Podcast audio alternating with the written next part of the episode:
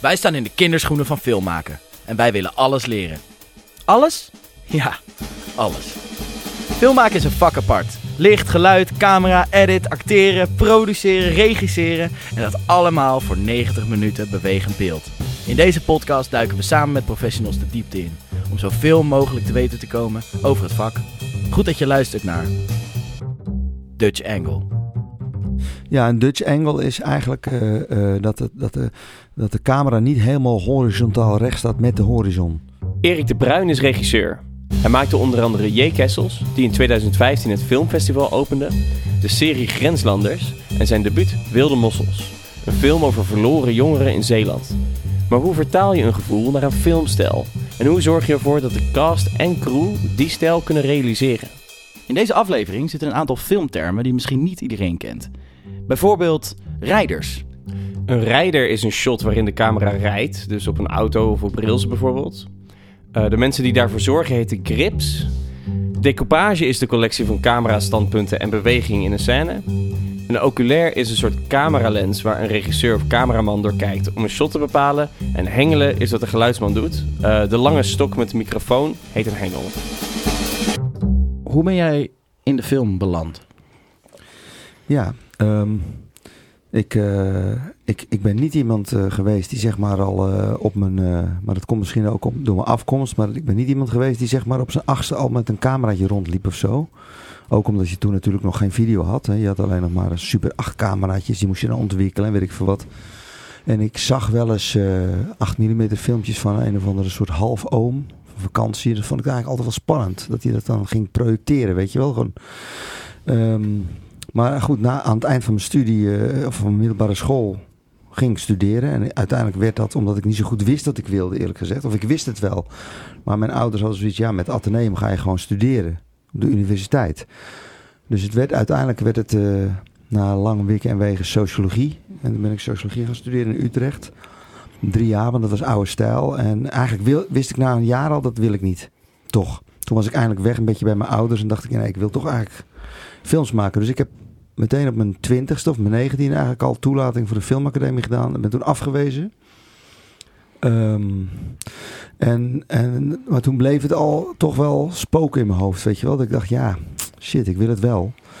Uh, en toen, uh, toen uh, ging ik filmcursus doen in Utrecht, terwijl ik nog sociologie studeerde. En toen maakte ik mijn kandidaatsdiploma af. En toen stapte ik over en ben ik filmkunde gaan studeren op de universiteit. Want ik dacht, ja, in Amsterdam. Hè, want als ik, dat, als ik filmkunde studeer, dan ga ik alle achtergronden in elk geval leren over film. En wie weet wat er dan nog meer gebeurt. Dus ik, ik was niet zo dat ik meteen nog een keer toelating tot de filmacademie deed. Omdat ik dacht van, ik vond het een beetje, ik weet niet vond hij zo leuk hoe dat ging. En uh, ik ging filmkunde studeren. En toen ben ik daarna naar de Vrije Academie gegaan van Frans Zwartjes in Den Haag. Dat is ook een filmopleiding. Daar heb ik een aantal dingen gedaan.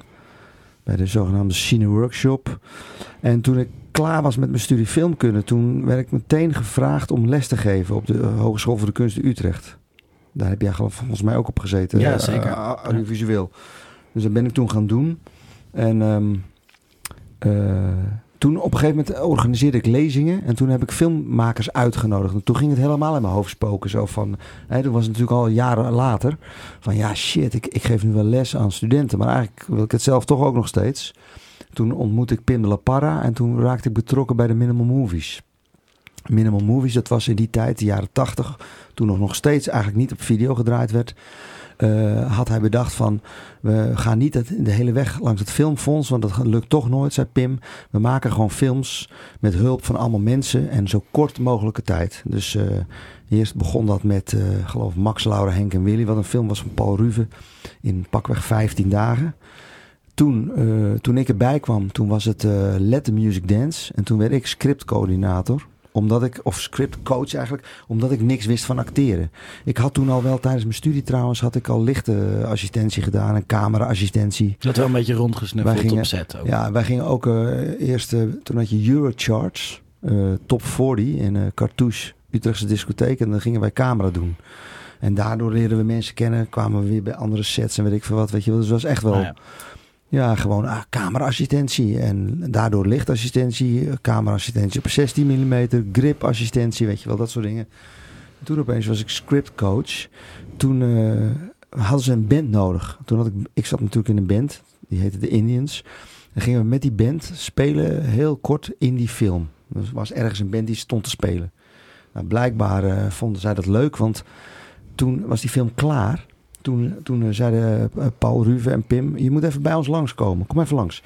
En toen zeiden ze, eh, we gaan een film maken in 12 dagen, black and white. En eh, it's called How to Survive Broken Heart. En jij speelt de hoofdrol. Oké.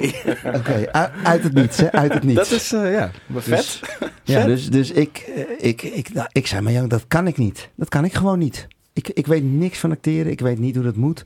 En eh, hoezo denken jullie nu dat ik dat kan? Je had ook nog helemaal geen am- acteerambities gehad of zo. Nou, stiekem. Ja, stiekem. In Zeeland stiekem, weet je wel, voor de spiegel thuis of zo. Wel eens Ja, een ja. klein beetje. Ja. Maar dat, dat deed je daar niet of zo, weet je wel. In Zeeland was het meer van, je moet een stoere jongen zijn. En eh, acteren, dat is iets voor, eh voor pussies of zoiets, weet je wel. Jij zegt het. nou, nee, ik zeg het niet. Nee, zo voelde dat toen. Oké. Dat vind ik natuurlijk helemaal niet hoor. Overigens, natuurlijk is onzin. Maar zo kwam dat wel op mij over. En ik was daar in zo'n dorp toch een beetje, eh, ja... Ik wilde ook aansluiting vinden, weet je wel, toen in dat dorp. Anyway, na lang wikken en wegen heb ik besloten dat ik, dan, dat ik dat dan deed als Gerard Tolen ook meespeelde.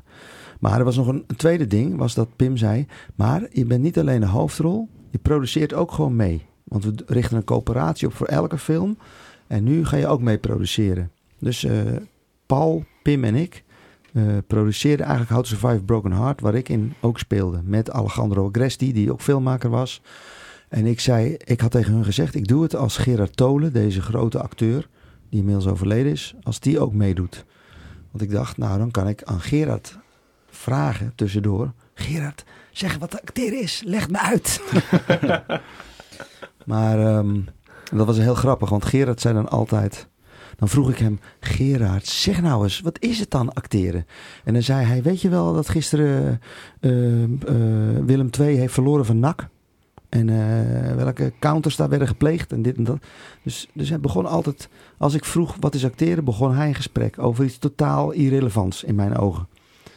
Totdat ik na een aantal keer door had dat zijn les aan mij was dat acteren niks anders is dan overgaan in andere tekst. Snap je? Aha. Ja.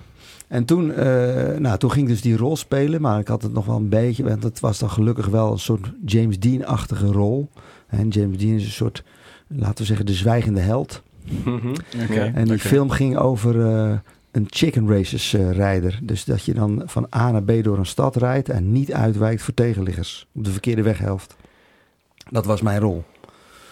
En nou ja, anyway, ik deed dat. En toen, eh, toen ik dat gedaan had... Er is heel veel gekeken in die film en eh, weinig gezegd. Ja, en, eh, nou ja, ja, inderdaad. maar goed, ik won wel een prijs als acteur ook nog, hè? Eh, Oké. Oh, dat is lekker. in, in Portugal. En ehm, ja, toen hebben we daarna nog een film gemaakt waar ik ook een kleine rol in speelde. The Best Thing Alive. Die produceerde ik ook dan weer mee. Het was heel grappig, want dan had je eerst Maximal Minimal Movies, de coöperatie. En daarna had je Minimal Minimal Movies. En daarna had je Minimal Movies Europe. Oké. Waren er wel drie of vier of zo.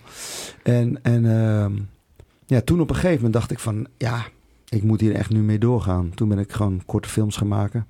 Zelf gaan en- regisseren. Zelf gaan regisseren. Want ik, ik, ik had zoiets van... Ik heb allerlei dingen uitgeprobeerd. Nu dus ook acteren. En daardoor was eindelijk dat... Want voor mij was acteren dus eigenlijk iets magisch. Maar ook iets, omdat ik er niks van wist... dat, ik, dat het juist daardoor heel afschrikwekkend was. Ja. Toen ik het zelf had gedaan, was ik daar overheen. Hm. Dus toen dacht ik, oké. Toen ben ik een paar cursussen gaan doen, een masterclasses in acteren. Snap je? En nog een paar filmdingen. En toen dacht ik, oké, ik ga een korte film maken. Dat lukte dan door die contacten en nog een korte film, nog een korte film. En er waren heel veel makers die toen korte films maakten. De ene na de ander. En op een gegeven moment dacht ik, ja, weet je, als ik gewoon... Ga ik nou zeven korte films maken of zo? Zie ik eigenlijk ook niet zitten, want het is toch een heel proces met weinig geld. En toen eh, had ik een eh, vriendin, die was journalist bij de Nieuwe Revue. Die gaf me toen ooit een krantenartikeltje. En zei, waarom schrijf je dan niet gewoon je eigen film? Want je, kan, je wordt niet gevraagd natuurlijk als, als jonge regisseur. Dat kennen jullie ook wel. Je wordt niet gevraagd voor een lange film. Dus als je een lange film wil maken, dan moet je hem zelf schrijven. Hmm. Nou, dus ging ik me heel erg verdiepen in scenario schrijven en eh, allemaal dat soort dingen. En toen op een gegeven moment werd dat dus het scenario van Wilde Mossels. Ja. En eh, is ook afgewezen geweest, trouwens. Eén Bij, of het- twee bij het filmfonds? Ja, Oké. een mediefonds ook. En, en toen zijn we toch weer teruggegaan. En toen uiteindelijk werd het gehonoreerd. Kijk. Prachtig. En zo, dat was de weg naar regisseur zijn. Nou, we hebben Ja. Willem Mossels gekeken.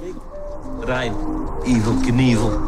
Als een Hagen anders geboren was, was hij vast en zeker een kampioen geworden. Champion. Eens dat je meegenomen zou willen worden? De, hè? Aliens. Ja. Rot op, man, dat gebeurt niet met Zeeuwen. Nou, laat maar. Waar wij naartoe dan? Ze vindt hier nogal stil.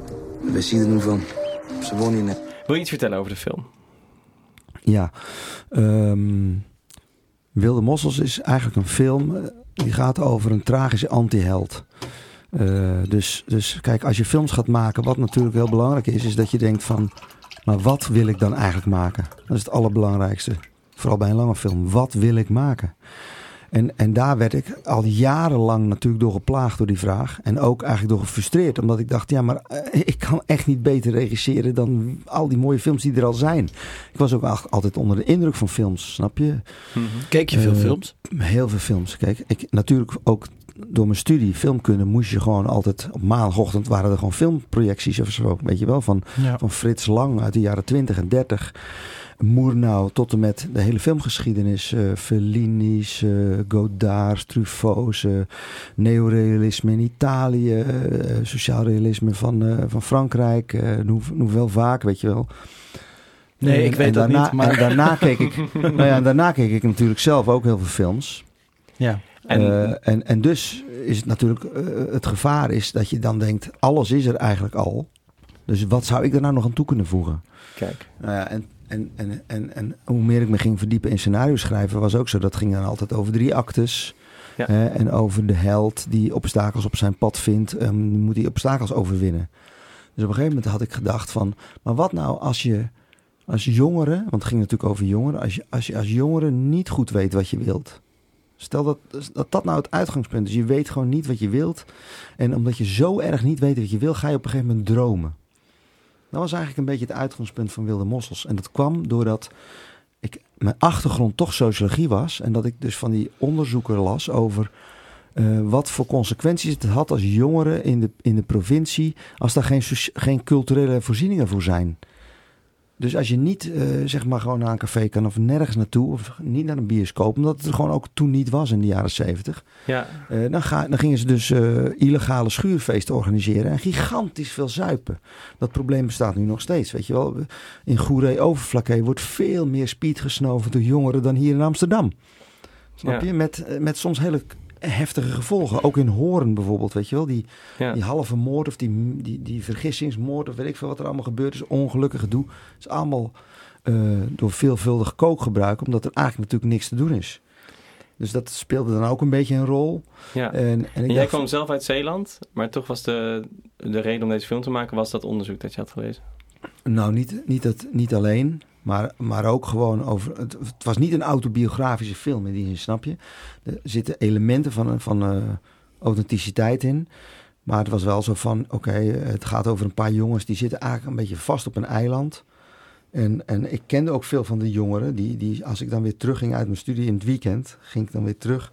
En dan zag ik ze in het café. En dan zei, zeiden we, hoe gaat het met je en zo? Ja, gaat wel goed. En eh, waarom ga je niet weg? Ja, ja, ja, ik weet niet. Ik heb hier toch een baantje of ik zit hier en eh, ik, ja, ik weet nog niet. Ik zie wel. Weet je wel? Dus die blijven dan hangen. En dan zijn ze 19, 20, 21, 22. En ze zijn er nog steeds. En soms imploderen die levens dan een beetje of zoiets, weet je. Dan, gebeurt er niks meer eigenlijk. Nou, dus daar, daar, daar ging, dacht ik, daar, is, daar heb ik dan niet echt een film over gezien. Klein beetje wel. Er was weer een film van een Franse filmmaker. Ik ben even vergeten hoe die heet, die film. Maar ging ook over jongens op brommers ergens in Noord-Frankrijk die zich de pleuris verveelden, weet je wel. en en eh, dat had als gevolg dat ik toen ik die film zag, La Vie de Jesus heette die film. Toen ik die film zag, dacht ik weer van, ah nee, hè. heb ik net een, een goed idee bedacht en dan is die film er ook alweer. Dus, dus eh, en toen heb ik bedacht, ik kan het wel doen, maar dan moet ik een hele andere stijl volgen. Oh, Dan moet ik eh, niet. Eh, dat was zo'n soort Dardenne-broers-achtige sociaal-realistische vorm. Snap je? Die die film Niet had. helemaal?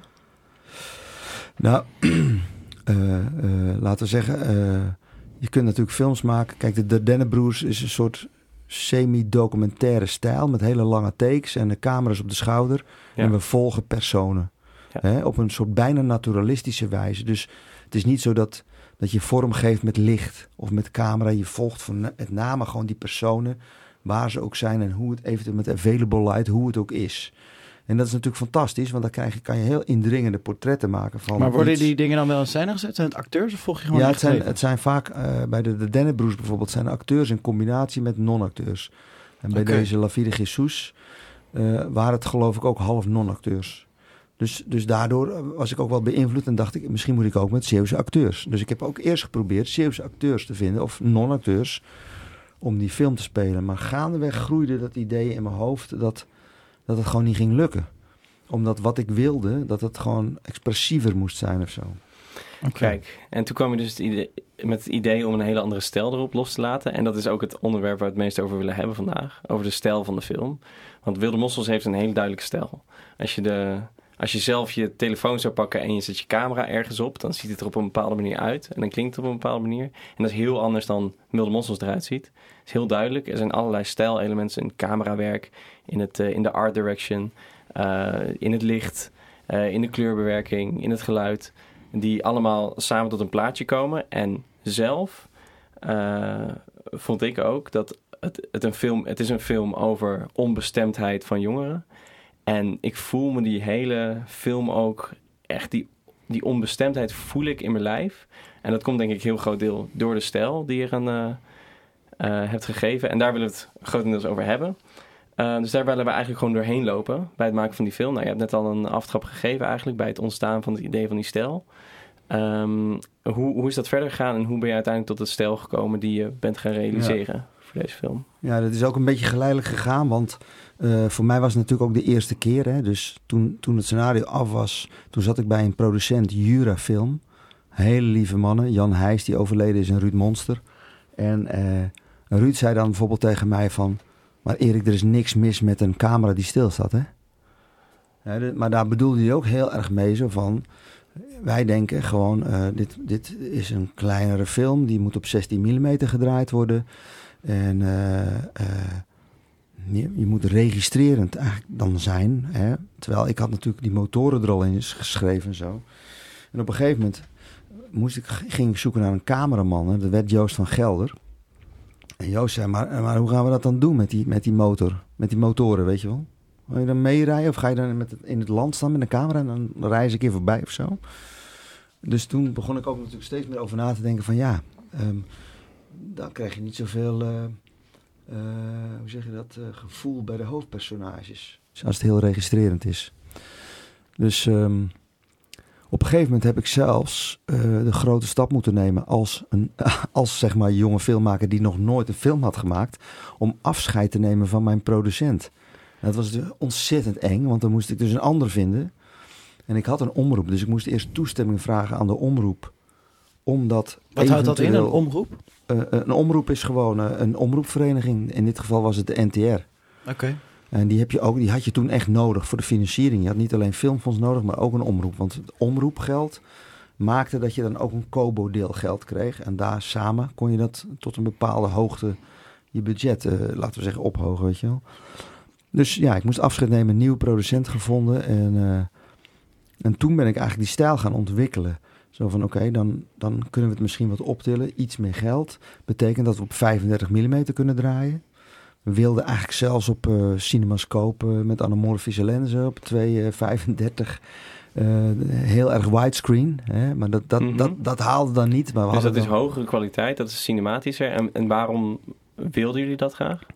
Nou, omdat het ook een beetje was eh, figures in a landscape, zeg maar. Dus het ging ook natuurlijk heel erg over die jongeren die, die in dat landschap eigenlijk vastzitten. Dus het landschap speelde ook een rol. Ja, Hè, dus niet zozeer van, eh, laten we zeggen, hier kun je ook een scène draaien in deze kamer waar wij nu zitten. Maar daar was het zo van, ze dolen ook een beetje door dat landschap.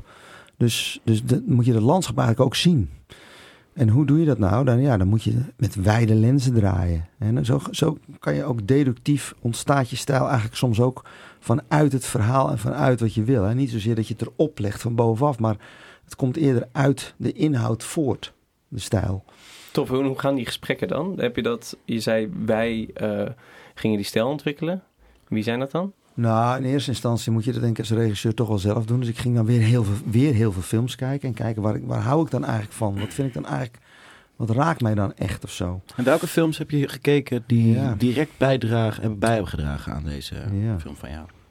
Altijd natuurlijk Once Upon a Time in the West. Ja? Maar ook een film van Peter Bogdanovich, die heet The Last Picture Show. Dat is een zwart-wit film van Peter Bogdanovich. En, eh, en, en een film van Joseph Losey, die heet The Figures in a Landscape zelfs. Oké. Snap je? En dat, dat is niet zozeer dat je dan zo'n film op je eigen filmplan kan leggen hoor. Dat is meer van de elementen die je erin ziet. Waardoor je denkt van oké, dat... En dan- moet je Nou, om, soms om goed iets kijken, te hè, noemen want- qua stijl bijvoorbeeld. Ah, gewoon een voorbeeld uit Wilde Mossels. ehm, wat vrij duidelijk is als je die film kijkt. Onze podcast heet Dutch Angle. De Dutch Angle podcast. Maar in die film zitten heel veel Dutch Angles. Kun jij een Dutch Angle uitleggen? Ja, een Dutch angle is eigenlijk eh, eh, dat, het, dat, de, dat de camera niet helemaal horizontaal recht staat met de horizon. Dus dan, dan betekent het dat de, dat de horizon als het ware eigenlijk door het kader een beetje scheef loopt. Wat wij, wat wij eigenlijk eh, nastreefden, Joost en ik, op een gegeven moment was dat ik wilde eigenlijk een soort. Eh, nou, we kozen eerst ten eerste voor de stijl vanwege met wijde, dat we met hele wijde lenzen zouden draaien, wijder dan je normaal doet. Ook bij mensen, omdat wijde lenzen kunnen gezichten vertekenen. Dus als ik zo dicht bij jou zit, eh, ik, ik, ik, ik, ik wijs nu 30 centimeter aan, dan zou je gezicht vertekenen. Maar als ik gewoon hier blijf met een wijde lens, dan vertekent je gezicht toch niet echt eigenlijk, maar dan zie ik wel de hele kamer. Ehm, dus dan dachten we, oké, dat. En dan wilde ik eigenlijk, had ik, ik wilde gewoon hele trage rijders. Dat je dus de loomheid voelt. Dat je dus mastershots kunt maken met drie acteurs. Wat is een mastershot? Een mastershot is zeg maar dat je, eh, dat is een, een, een, een, een wijder shot. Je- Die term geldt ook voor het eerste shot wat je maakt in een scène en het totaalshot. Oké. Maar ik dacht van als we die totaalshots heel langzaam rijden, dan hoeven we misschien niet te decoperen. Dan kunnen we gewoon in dat shot blijven. Als je het heel, als je het heel slim in of uitrijdt of langs rijdt, dan kun je dus eigenlijk heel veel vertellen met dat ene mastershot. Met die speciale wijde lens die toch dicht bij de acteurs komt. En dan zie je toch veel landschap. Heb je zo'n wijde Dus- lens? Wat dan bij mij opkomt is gelijk... Wilde je gewoon een gevoel van ruimte creëren? Ja. En wilde je veel, Ja. nou ja, veel omgeving laten zien? Ja, En veel, veel omgeving vrijheid? En... Veel, nou, niet veel vrijheid, maar veel omgeving en veel. Eigenlijk was het zo trouwens dat het eh, eh, jammer een beetje was dat het heel mooi weer was. Want eigenlijk was het natuurlijk de bedoeling dat het de hele tijd kut weer was. De wilde mossels. nou, dat werd gewoon. eh, Ja, dat werd het niet, want het werd heel mooi weer. Dat is ook grappig dat het... Maar- Iedereen wil altijd dat het lekker weer is eigenlijk. Ja, maar, het, eh, ja, maar goed, het was wel lekker weer, maar toch. Nee, door die langzaam, traag, heel traag. Hè, dus dat is moeilijk voor een gripper. Heel traag rijdende eh, rijders. Gebeurt er toch iets met dat landschap. Dat langzaam verlegt het perspectief zich. En langzaam rij je weg of in of weet ik veel wat. En eh, zie je ondertussen heel goed dat landschap. En voel je eigenlijk als het ware dus de leegte. En de leegte is datgene waarin zij zitten. Ja.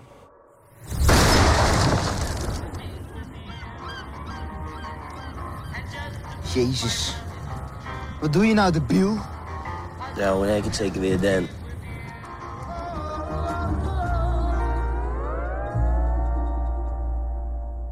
En die Dutch angle? Die Dutch angle is een beetje omdat we, we zochten ook daarin een zekere onrust. Dus niet, niet de symmetrie, maar gewoon... Daarom heb ik ook die stijl een aantal keren echt doorbroken. Heel erg doorbroken. Maar eh, een bepaalde soort onrust. Omdat de hoofdpersoon Leen dat voelt. En dat, dat is niet alleen eh, die Dutch angle. Maar is ook vaak, eh, als je ziet shots op hem... Dat, dat, dat, dat we ervoor kozen dat, dat, dat, het kader, dat de kaderrand soms zijn oor afsneed. Snap je? Dus hij zit niet in het centrum van het beeld, maar ook niet een beetje netjes links of rechts.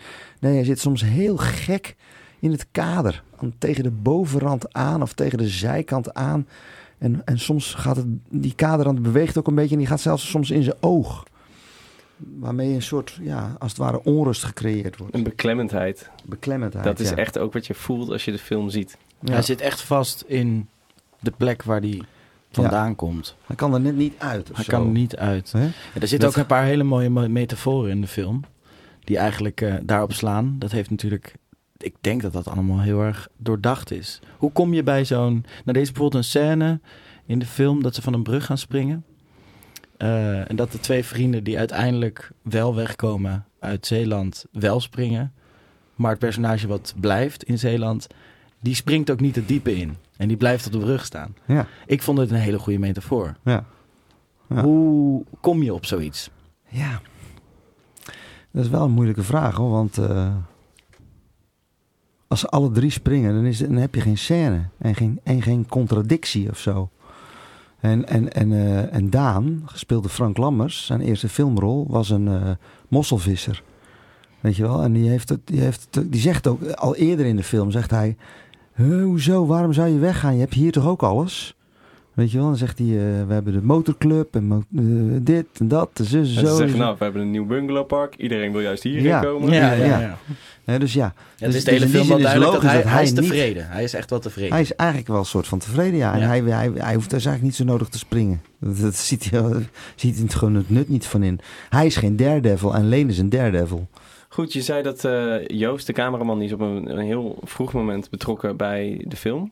Eh, en ook bij het proces van het eh, ontwikkelen van de stijl van de film. Nou ja, Eh. pas, pas toen het gefinancierd was, hè. Want daarvoor Ja. kun je eigenlijk niet echt rekenen op een cameraman of zo. Die, die zeggen dan, nou, bel me nog maar eens. Ja. Hè, voor zo'n groot project. Dat, ja. Hoe ver van tevoren, voor het schieten, is dat dat jullie daarmee bezig zijn? Nou, kijk, je hebt eigenlijk bij een speelfilm een soort standaard in Nederland. Is in elk geval dat de, dat de pre-productie zeg maar twee maanden duurt. Hè? Of drie maanden misschien. Maar Wat houdt een preproductie precies in? Pre-productie is gewoon alles voorbereiden wat je eventueel daarna op de, op de shooting gaat doen.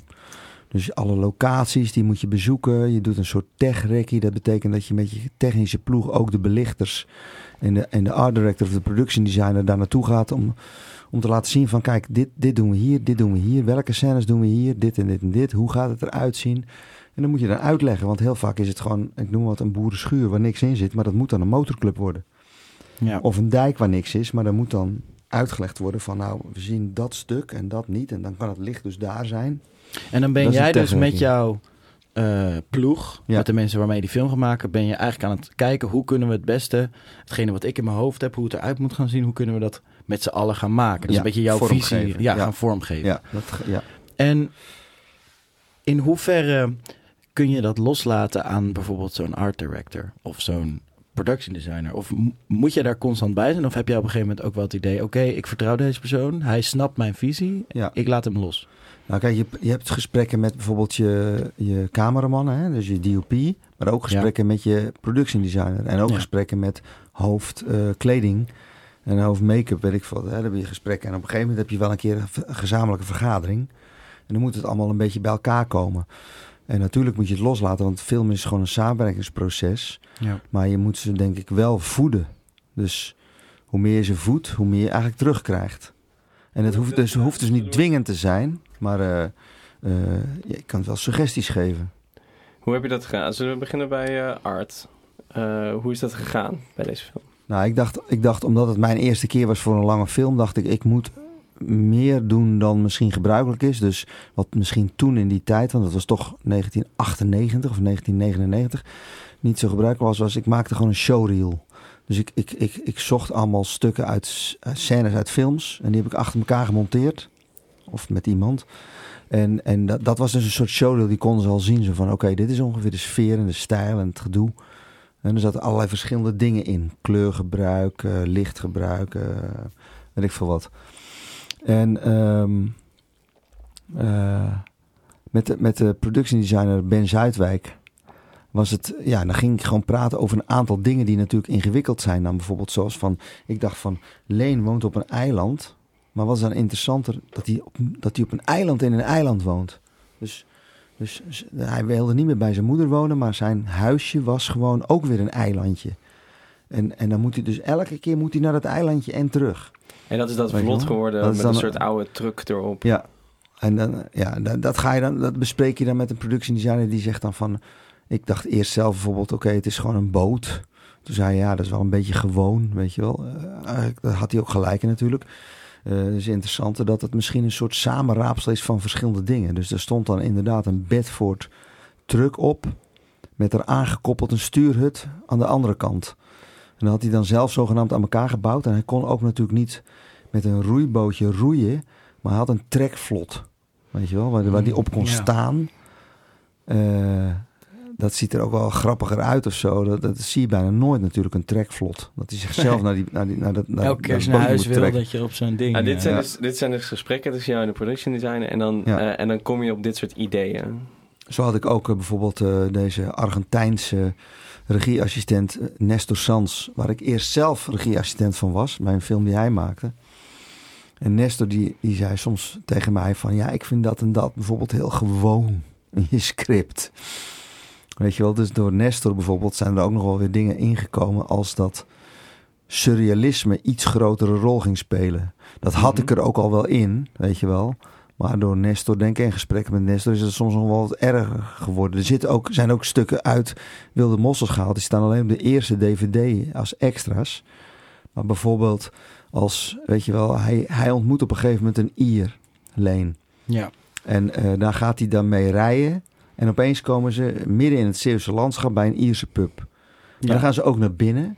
En dan staan dan vrouwen met rood haar in een soort eigenlijk een beetje spaceachtige gang. Weet je wel, die zilver is. En dan gaat hij daar, loopt hij daar langs en dan komt hij in een, in een soort bar.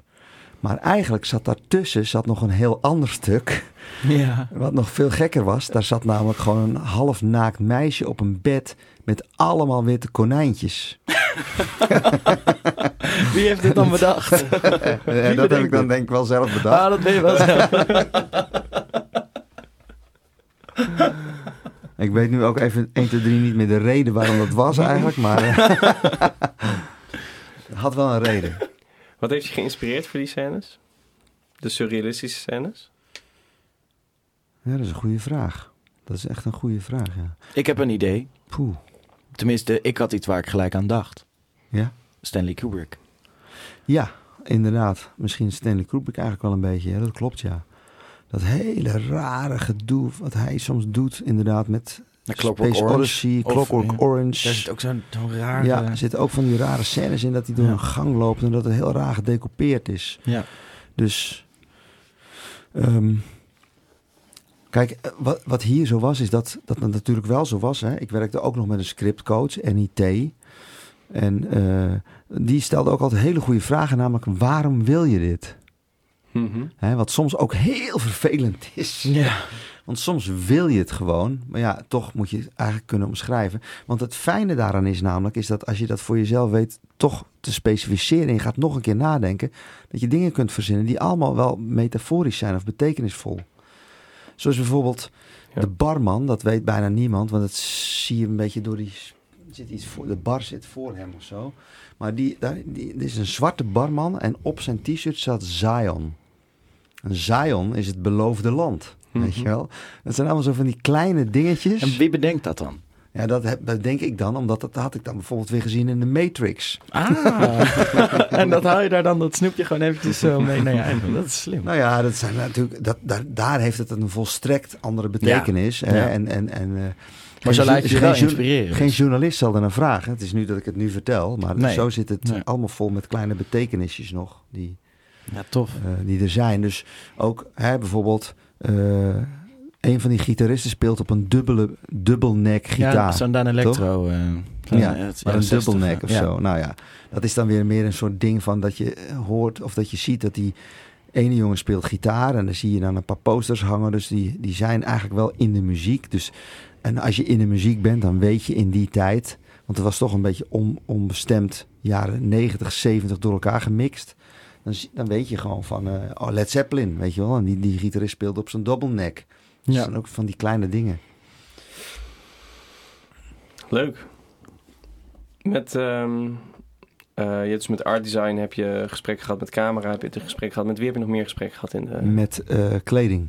kleding? Omdat eh, ik, we hadden op een gegeven moment een heel duidelijk kleurenpalet voor ogen. Zo van, eh, er zijn een aantal kleuren die we niet doen. Weet je wel, dat, dat, dat ten eerste. Want ten eerste was het zo dat ik tegen Joost wel vertelde dat ik wilde aansluiten bij een schilderstraditie ook nog.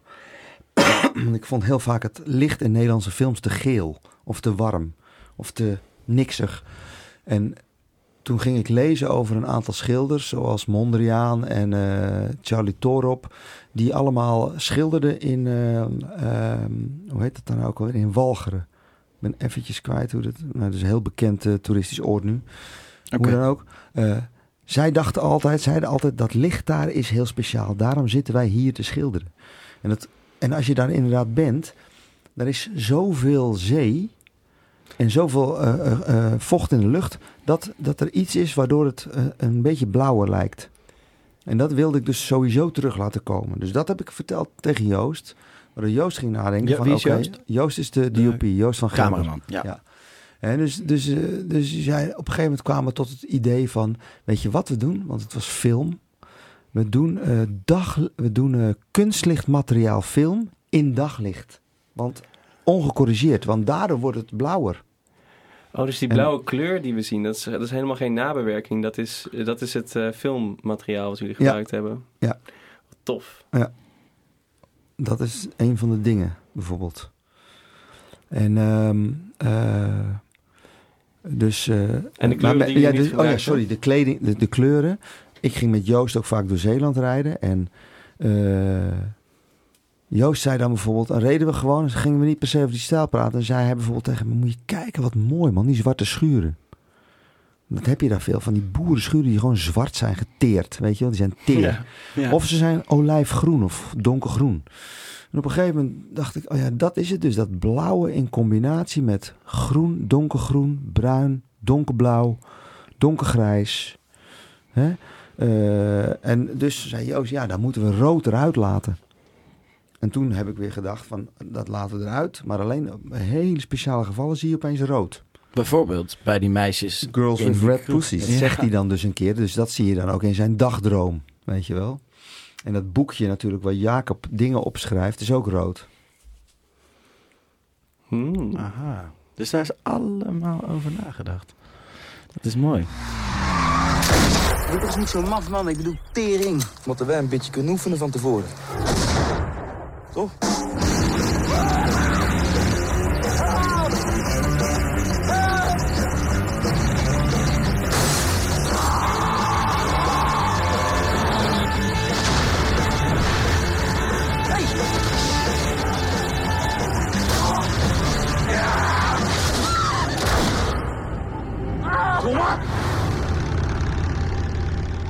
Oké, en eh, ja, Melle zei het net al een beetje. Na een tijdje moet je dingen uit handen geven. Ehm, Ja. En dan komt het moment. Trouwens, ik vind dat, even tussendoor, ik vind het best wel snel. Twee, drie maanden pre-productie. Dat, dat, Ja, misschien was het kort. drie maanden, maar het is, dat is ook kort. Maar meestal is het eerlijk gezegd niet langer. Hoor. Want kijk, je, je, je hebt een, een, een eh, fase van financiering. En pas als die financiering begint kun je eigenlijk een crew samenstellen. Mhm. En als die crew er dan eenmaal is, dan begint de preproductie. Want dan heb je Ja. uitvoerend producent en een productieleider. En die gaan dan dus opeens dat script opdelen in eh, Movie Magic sheets. Hè, zo van, oké, eh, dat is dus een kamer daar. Dat is dat vlot daar. Dan zijn we op een dijk daar. Dan zijn we op een ding dat. In dit geval was het nog best ingewikkeld, omdat het toch veel locaties waren. Mhm. En dan heb je dus gewoon een lijst waar je doorheen moet gaan Ja. lopen met je, met Ja. je crew. Oké. Nou, en dan, eh, dan gaat er geschoten worden. En eh, hoeveel eh, doe je dan nog echt aan bijsturen en aan sturen tijdens het schieten of na de draaidagen, voor de draaidagen? Nou ja, voor de draaidagen heb je natuurlijk allerlei misverstanden die er kunnen ontstaan. Die moet je wegwerken. Dus je moet steeds bijsturen. Van nou, dat lijkt me niet. En dat, dat is niet misschien helemaal hoe het moet. Hoe gaat het dan precies? Komen ze dan ja, dat kan. Nou, bijvoorbeeld, dan- bijvoorbeeld, snap je, je kan tegen iemand zeggen van eh, ik wil dat de, de onderkant van die kroeg donkergroen is. Maar dan kwamen we daar en dan was het niet donkergroen, maar was het gewoon, laten we zeggen, de kleur van deze planten. Dus dat is eigenlijk nog niet eens grasgroen, dat is een soort olijfgroen of lichtgroen. Dus dat, dat moest toen echt overgeverfd worden, want dat, dat was gewoon een, een stijlbreuk. Het was ook matte verf, maar het moest glanzen. Hmm. Dus soms heb je ook gewoon wel een soort dingen die nog bijgestuurd moeten worden. Of dan, en dat is ook met camera zo. Dat je denkt van, ja, de cameraman, die, die, die kijkt natuurlijk toen vooral, kon je niet, eh, hij moest echt altijd door zijn oculair kijken. Dus hij kan soms niet zien dat er nog ergens een lantaarnpaal net scheef, gek in beeld staat achter een hoofd van iemand. Of, dus dat moet je bijhouden en, en dan moet je het acteren natuurlijk ook bijhouden. Dus of, of de performance in de scène en in het shot goed genoeg is. Van alle drie de personen. En hoeveel van jouw tijd eh, besteed jij eraan bij deze film? Dus hoeveel ben je bezig met het, eh, het, het acteerwerk van de acteurs en hoeveel ben je nog bezig met de art die er in beeld is en met eh, het camerawerk? Ja, dat vraag ik me eigenlijk nooit af. Dat is gewoon alles. Kijk, een regisseur, denk ik persoonlijk, die kijkt naar de kaders. Dus je bent heel erg bezig met kadrering en licht en dat soort dingen. Maar ook met het spel van de acteurs. En ook als er iets niet klopt in die kleding. Als opeens toch iemand. Een, dan kan ook wel eens gebeuren, weet je wel. Van, oh ja, was ik vergeten. Rood. Nee, die heeft hier een rood t-shirt aan opeens iemand. Snap je? Dus ik noem het, dat kunnen allerlei dingen zijn. Dus je bent eigenlijk voortdurend bezig. Met alles. Ja, met, met, met camera ook. Soms wel eens met geluid. Want dan zegt, zegt natuurlijk, in, als je mastertakes wil draaien met wijde lenzen, is heel vervelend voor geluid. Want die moet dan, die moet dan eh, in, in masters hengelen. Met een hele lange hengel. Dus dat is een heel wijd shot. Ja, Ja. waar moet die man dan staan? Ja, die stond soms op een trapje, op een keukentrapje. En dan met zijn allerlangste hengel Ja. erboven. Oh, dat is wel echt leuk om bij te bedenken. Dat, dat, want dat is Tegenwoordig is het wel allemaal makkelijker natuurlijk. Hè? Want nu, maak je, nu draai je al heel vaak een master die wijd is. Dan hangt de hengel er gewoon in en zeggen die poetsen we er dus uit. Want dan doen we heel nog even de lege set en die twee shots flop je over elkaar. Ja, laten dat ze die was hengel toen gewoon in het shot tegenwoordig. Zo Je makkelijk is het om iets te natuurlijk- halen. Je kan gewoon zeg maar een wijd shot draaien, dan hangt de hengel erin. En dan moet je zorgen dat je daarna heel die camera dus niet verplaatst. En draai je gewoon even een eh, picture log beeld van de lege, lege set. Ah ja, en dan knip je het en plak je het. Ja, En dan zo simpel kan je het eruit halen, ja. Oké, en dan is de film gedraaid. En eh, wat doe je dan nog in het editproces? Muziek? Nou, En dat- echt alles ook. Ben je ook Want- echt bij alles? Ik ben wel echt bij, ja, bij Wilde Mossel sowieso. Maar ik vind ook dat bij de editing moet je eigenlijk als regisseur er wel echt bij zijn. Want je, kon, je kan zoveel kanten op, snap je? Je kan een shot lang laten staan of korter snijden. Je kan je eigen stijl doorbreken. Je kan iets opeens heel erg laten swingen. Eh, en wanneer doe je dat dan en wanneer niet? En wanneer doorbreek je het? En, en, en wat voor opzichten komt daar dan geluid bij kijken of zo, weet je wel? En muziek. Dus eh, ja, dat, dat, dat, dat, dat heb ik heel de tijd naast JP Luisterburg gezeten. Dat is de editor. Dat, is de- dat was de editor van Wilde Mossels. Was editen... Ik weet hier dit niet. Ik, ik, toen, ik was één toen deze film uitkwam. Ehm, was editen toen al digitaal? Ja, dat wel. Oké. Het was wel, dus je maakt een transfer naar Digibeta, dus het was dan maar wel met ge- van die grote zware tapes, Ah ja. weet je wel. Oké. Maar dat, dat was het, eh, via Digibeta ging het dan of zo. En dan zat je wel dus gewoon achter een scherm met, eh Ja. met editen. Je zat wel achter de monitor al. Ja.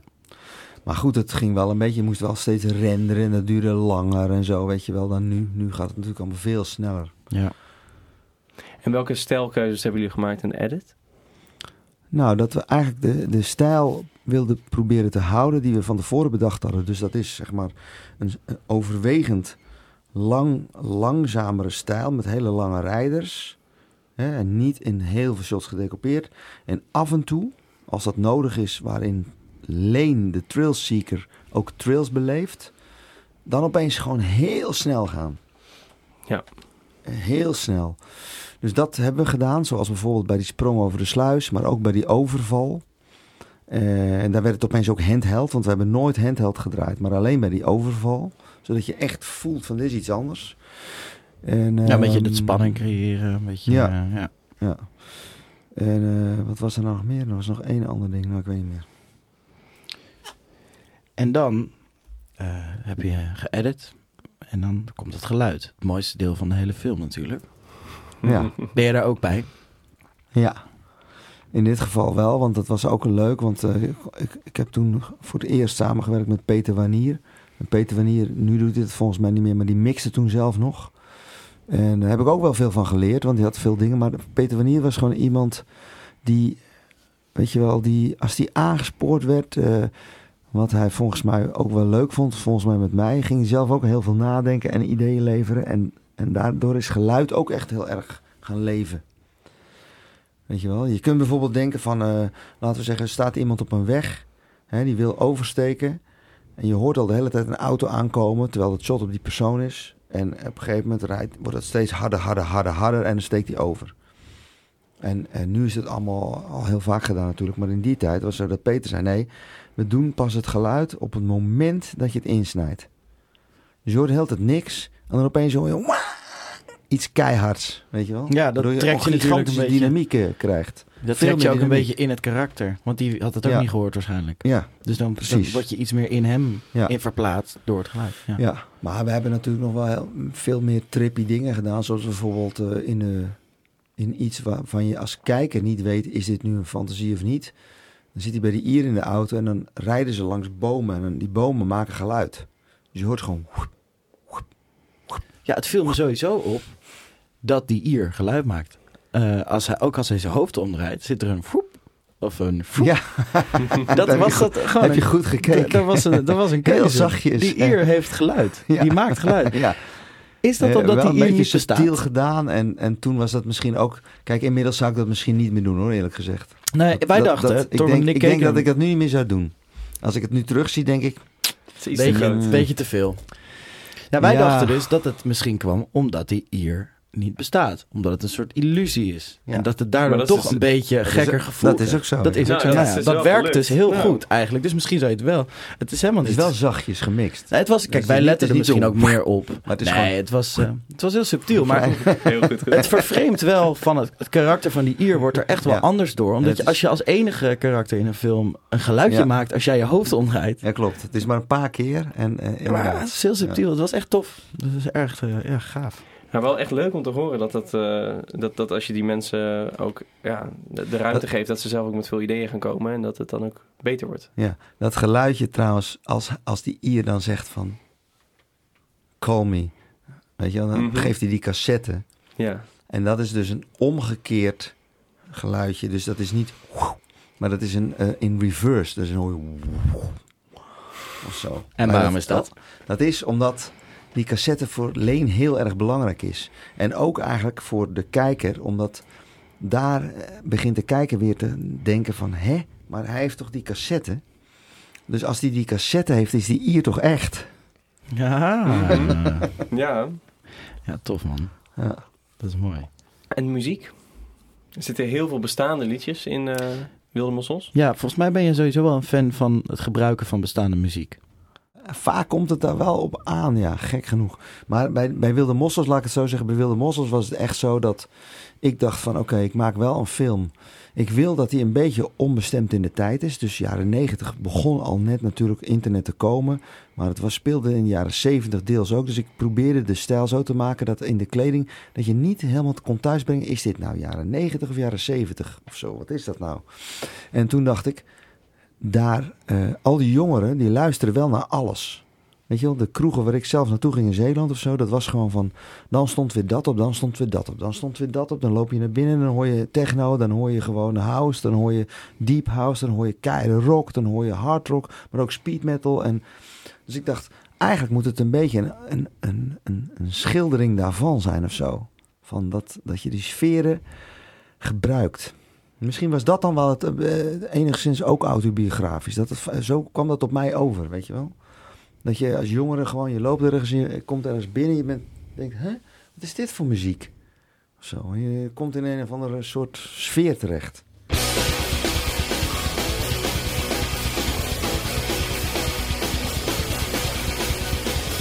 kan al niet beter, maar denk aan jou als ik eruit denk.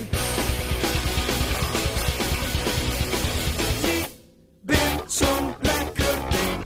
Twaas is zo, dat heb je voor het eerst gehad. Soms is het gewoon, laten we zeggen, muziek die je hoort in de set. Hè? En soms is het muziek die ook echt filmmuziek is. Ja. En daar is ook heel erg mee afgewisseld. Ja. Dus eh, kijk, als die motorclub, weet je wel, die motorclub een feest heeft, dan is daar Nashville Pussy. Wat ook nog een hele toestand was trouwens. Maar dat is een soort, dat paste eigenlijk perfect. Want dat was een soort ACDC on speed. Ja. Met vrouwen erin. Ja. Snap je? Waardoor die gasten dus allemaal ook nog denken van... holy shit, er is een vrouw die kan soloen. En dat vond ik dan ook wel weer leuk... om die hele macho-cultuur in één klap te doorbreken. Daarmee, snap je? Ja, want Dat die gasten stonden allemaal te kijken naar die, naar die geweldige gitaristen Ja, in een Amerikaans leren pakje. ja, ja, En zij is opeens de bom. ja. Ja, dat is cool. En zij bestaat trouwens echt, en is nog steeds nu, is inmiddels 20 jaar later, is zij nog steeds aan het optreden in, door heel de wereld met deze fantastische solo's. Ja, In diezelfde bikini. Echt wat tof. het is fijn dat hij nog past. Dat is heel goed. Eh, oh, wat nog een vraag. Ehm op set. Ehm vroeg ons af. Spreek jij ook heel de crew wel eens eh, aan? Of, of hou je dan een, een toespraak waar- waarin je een beetje de visie van de film uitlegt? Waarin je Ja, aan iedereen het- vertelt wat de bedoeling is? Ja, eh, kijk, Wilde Mos is natuurlijk lang geleden, maar volgens mij heb ik dat wel misschien gedaan bij de eerste Recce of zo. Met het eerste locatiebezoek, dat we met z'n allen waren. En eh, in la- bij latere films heb ik, ook, heb ik ze ook wel eens toegesproken. Soms al bij de, bij de, noem je dat? Dan heb je wel eens een, eh, een kennismakingsborrel of zo, weet je wel. Dan, heb, dan spreek ze wel eens toe. Dat is dan niet een heel lang, is niet een heel lang gesprek hoor, is dat. Oké. Dat is niet een En lange dat is ook monoloog. niet met, eh, niet met heel de crew dan, toch? Want dat is... eh, ja, dat kan dan, nou, er zijn wel veel mensen van de crew dan hoor. Bij zo'n borrel bijvoorbeeld wel. En ook de cast? En een deel van de cast. ja. Oké. Dus dat, maar dat is goed, dat is dan meer natuurlijk een soort enthousiasmerend praatje wat je moet houden. En ook doe ik dat aan het eind altijd, eh, om mensen te bedanken. Maar eh, het is niet dat je in één zo'n gesprek kan samenvatten van jongens, we gaan dit doen. Want dat, dat, Ja, dat is dan wordt het een heel lang gesprek. Dus het werkt beter voor jou om individueel met die mensen Ja, de visie een beetje te, een beetje te sparren. En, ja. En, en met kleine teams en Ja. hè, dat je zegt van, eh, nou goed, bijvoorbeeld die kleurenstelling die we met natuurlijk de art director eh, of production designer Ben Zuidwijk hadden vastgesteld, moest ook terugkomen in de kleding. Dus die moeten dan met elkaar communiceren. Dus ik heb ook soms wel eens dat ik gewoon expres mensen in CC zet van, ik schrijf eens naar de production designer, dat leest dan degene die eh, de kostuums doet ook. Omdat Ja. hetzelfde eigenlijk is. Als, Ja. dat, als, je, als die niet met elkaar communiceren en het is anders, dan heb je eigenlijk geen stijl. Nee, dat is, wordt lastig, ja. Ja. Als zij denkt dat het in de jaren twintig speelt, dan eh, Ja. krijg je een beetje een rare, rare film. Ja, tof. Ehm, ja, Wilde Mossels. Eh, ik zou zeggen, kijk allemaal op Pathé Thuis. Daar is hij beschikbaar momenteel. Eh, daar hebben we hem ook gekeken. Weet ik dan weer niet eens. Nee, kijk Ja, zeker. Is dat wel de remastered version? Dat is de remastered version. Is dat zo? Oh. Jazeker. Hij staat Ja, trouwens, je kan hem ook huren op Amazon, ook de remastered version. Kijk eens aan. En dan, dan is die film eh, zo goed als af. Dan heb je viewings, lijkt me. Dan ga je naar die film kijken. Met wie, Ja. met wie doe je dat? Nou, in eerste instantie eh, bij deze film eh, eh, had ik zo'n leuke band opgebouwd eigenlijk met Frank Lammers en Vetja van Huwet. Dat ik dacht van... en zij zeiden ook, ja, laat hem zien. Dus ik dacht, ja, waarom niet eigenlijk, weet je wel. Dat zijn hele belangrijke jongens geweest voor die film. En eh, dus ik ging altijd naar de woning waar Frank toen woonde... op de Keizersgracht, nog in een kraakpand. En dan gingen we gewoon die film kijken, weet je wel. En die was dan soms, die was toen nog... Nou, die was echt heel lang hoor. Die was... Twee uur en eh tweeënhalf uur, laten we zeggen. Tweeënhalf uur of zoiets. En dan ging je, ging je met hun die film kijken ja, en dan gaven ze kijken feedback. en dan gaven ze feedback. En dan moest ik dat natuurlijk ook wel een beetje shiften. Of dat eh, niet ijdelheid was of zo. Dat Mhm. het niet ging over Mhm. van ik vind mezelf daar bla bla bla. Nou, dat lijkt me moeilijk als je met acteurs Ja. naar hun gaat zitten Ja. kijken. Dus dan was het zo dat Frank was daar dan wel weer goed in. Die zei dan soms ook wel dingen tegen Vetja. En, eh, want Vetja was natuurlijk veel jonger ook nog toen. Hè. Eh, ehm, misschien niet helemaal losgezongen van ijdelheid in die tijd. Dat weet ik niet. Maar, maar ze hadden wel vaak goede kritiek. Hè? En ik, dus ik had een, paar viewings met hun. En ook een paar viewings met eh, Nestor Sans. Mijn, die was mijn regieassistent. En met David van der Heijden. Die was de componist. Want David is ook een zeeuw. En had ik mee in een band gespeeld al jarenlang. Dus hem had ik... eh, Ik dacht, hij kan eigenlijk die muziek maken het beste misschien. En David is ook best wel een inhoudelijke jongen. Dus die, eh, ja, die keek dan ook mee. Soms zelfs met de producent. Een van de producenten, Peter van Vogelpoel. En dan zaten we met z'n drieën te praten over van... Wat traag was, wat te lang was. Hoe het ritme nog zou kunnen veranderen. Wat, of iets weg moest. Er zat er dus... Ja, je- dat zeg ik dus. Het is 2 uur 30. Moet terug naar... Op een gegeven moment was het zo dat Pathé had gezegd... Wij brengen deze film uit... Alleen maar als die onder de twee uur is. Weet je wel? Dus, dus toen dacht ik op een gegeven moment... Ja, het is wel heel te gek als Pathé hem uitbrengt. Want dan komt hij opeens gewoon... Dan draait hij in City. En dan draait hij in grote bioscopen. Ja. Terwijl anders zou het in, in, in filmhuizen zijn. Dus, dus dat was voor mij toch wel belangrijk. Dat ik dacht, ik wil wel dat het voor meer mensen is, die Wat film. een macht heeft Pathé dan, hè? In die zin wel, ja. ja. Is er een betere film Dus- op geworden, denk je? Ja, ik denk, ik denk uiteindelijk wel dat... Nou ja, kijk, je zou kunnen over... Dat kan nu niet meer. Maar als ik nu helemaal terug zou gaan, denk ik soms van... Als ik hem terugzie, dan denk ik... Aan de ene kant is die bij bepaalde stukken te traag. En aan de andere kant is die juist soms weer eh, te snel in de afhandeling. Dus je zou ook kunnen denken... Er zou ook nog wel een film in zitten... die misschien juist wel nog bijna 20 minuten langer is. Waardoor je nog meer, veel meer gaat voelen wat eigenlijk de bedoeling was. Maar ik heb dus... eh, Ja, Nou, wat houd je voor tegen? ritme...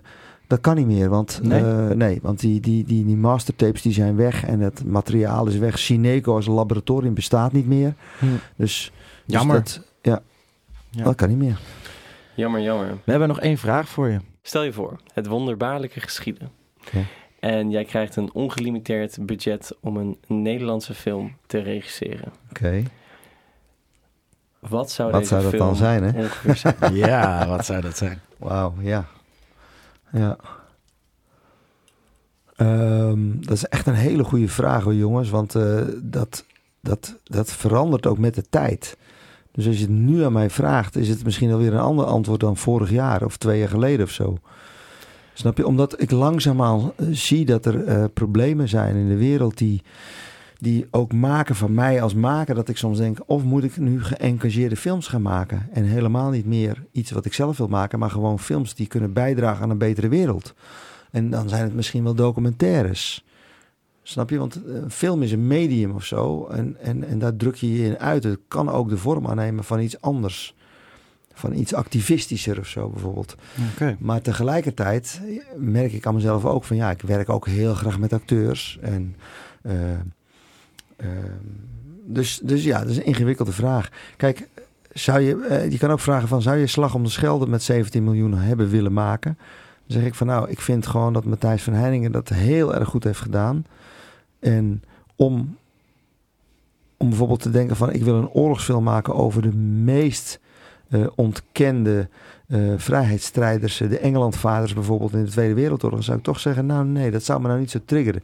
Wat mij nu bijvoorbeeld wel zou triggeren is een film maken eh, waar ik hoop dat die nog gemaakt zou worden. Dus hij heeft de werktitel Ierse Klappers en is een vervolg op Wilde Mossels. Oh. Ja. Met een ongelimiteerd budget. Nou, dat moeten we eigenlijk wel wat meer budget hebben dan ja. Ja, moet wel wat meer budget hebben dat je niet weer de hele tijd loopt te rushen en te haasten en eh, Oh. te weinig draaien. Dus dat is wat je zou doen met eh, meer budget? Gewoon rustiger filmen? Ja, ietsje rustiger filmen, zodat je niet eh, zelf eh, lichamelijk er al onderdoor gaat. En in, in Wilde Mossels hebben we gezien hoe, ehm, hoe een stel Want het is heel zwaar, hè? Het is heel zwaar.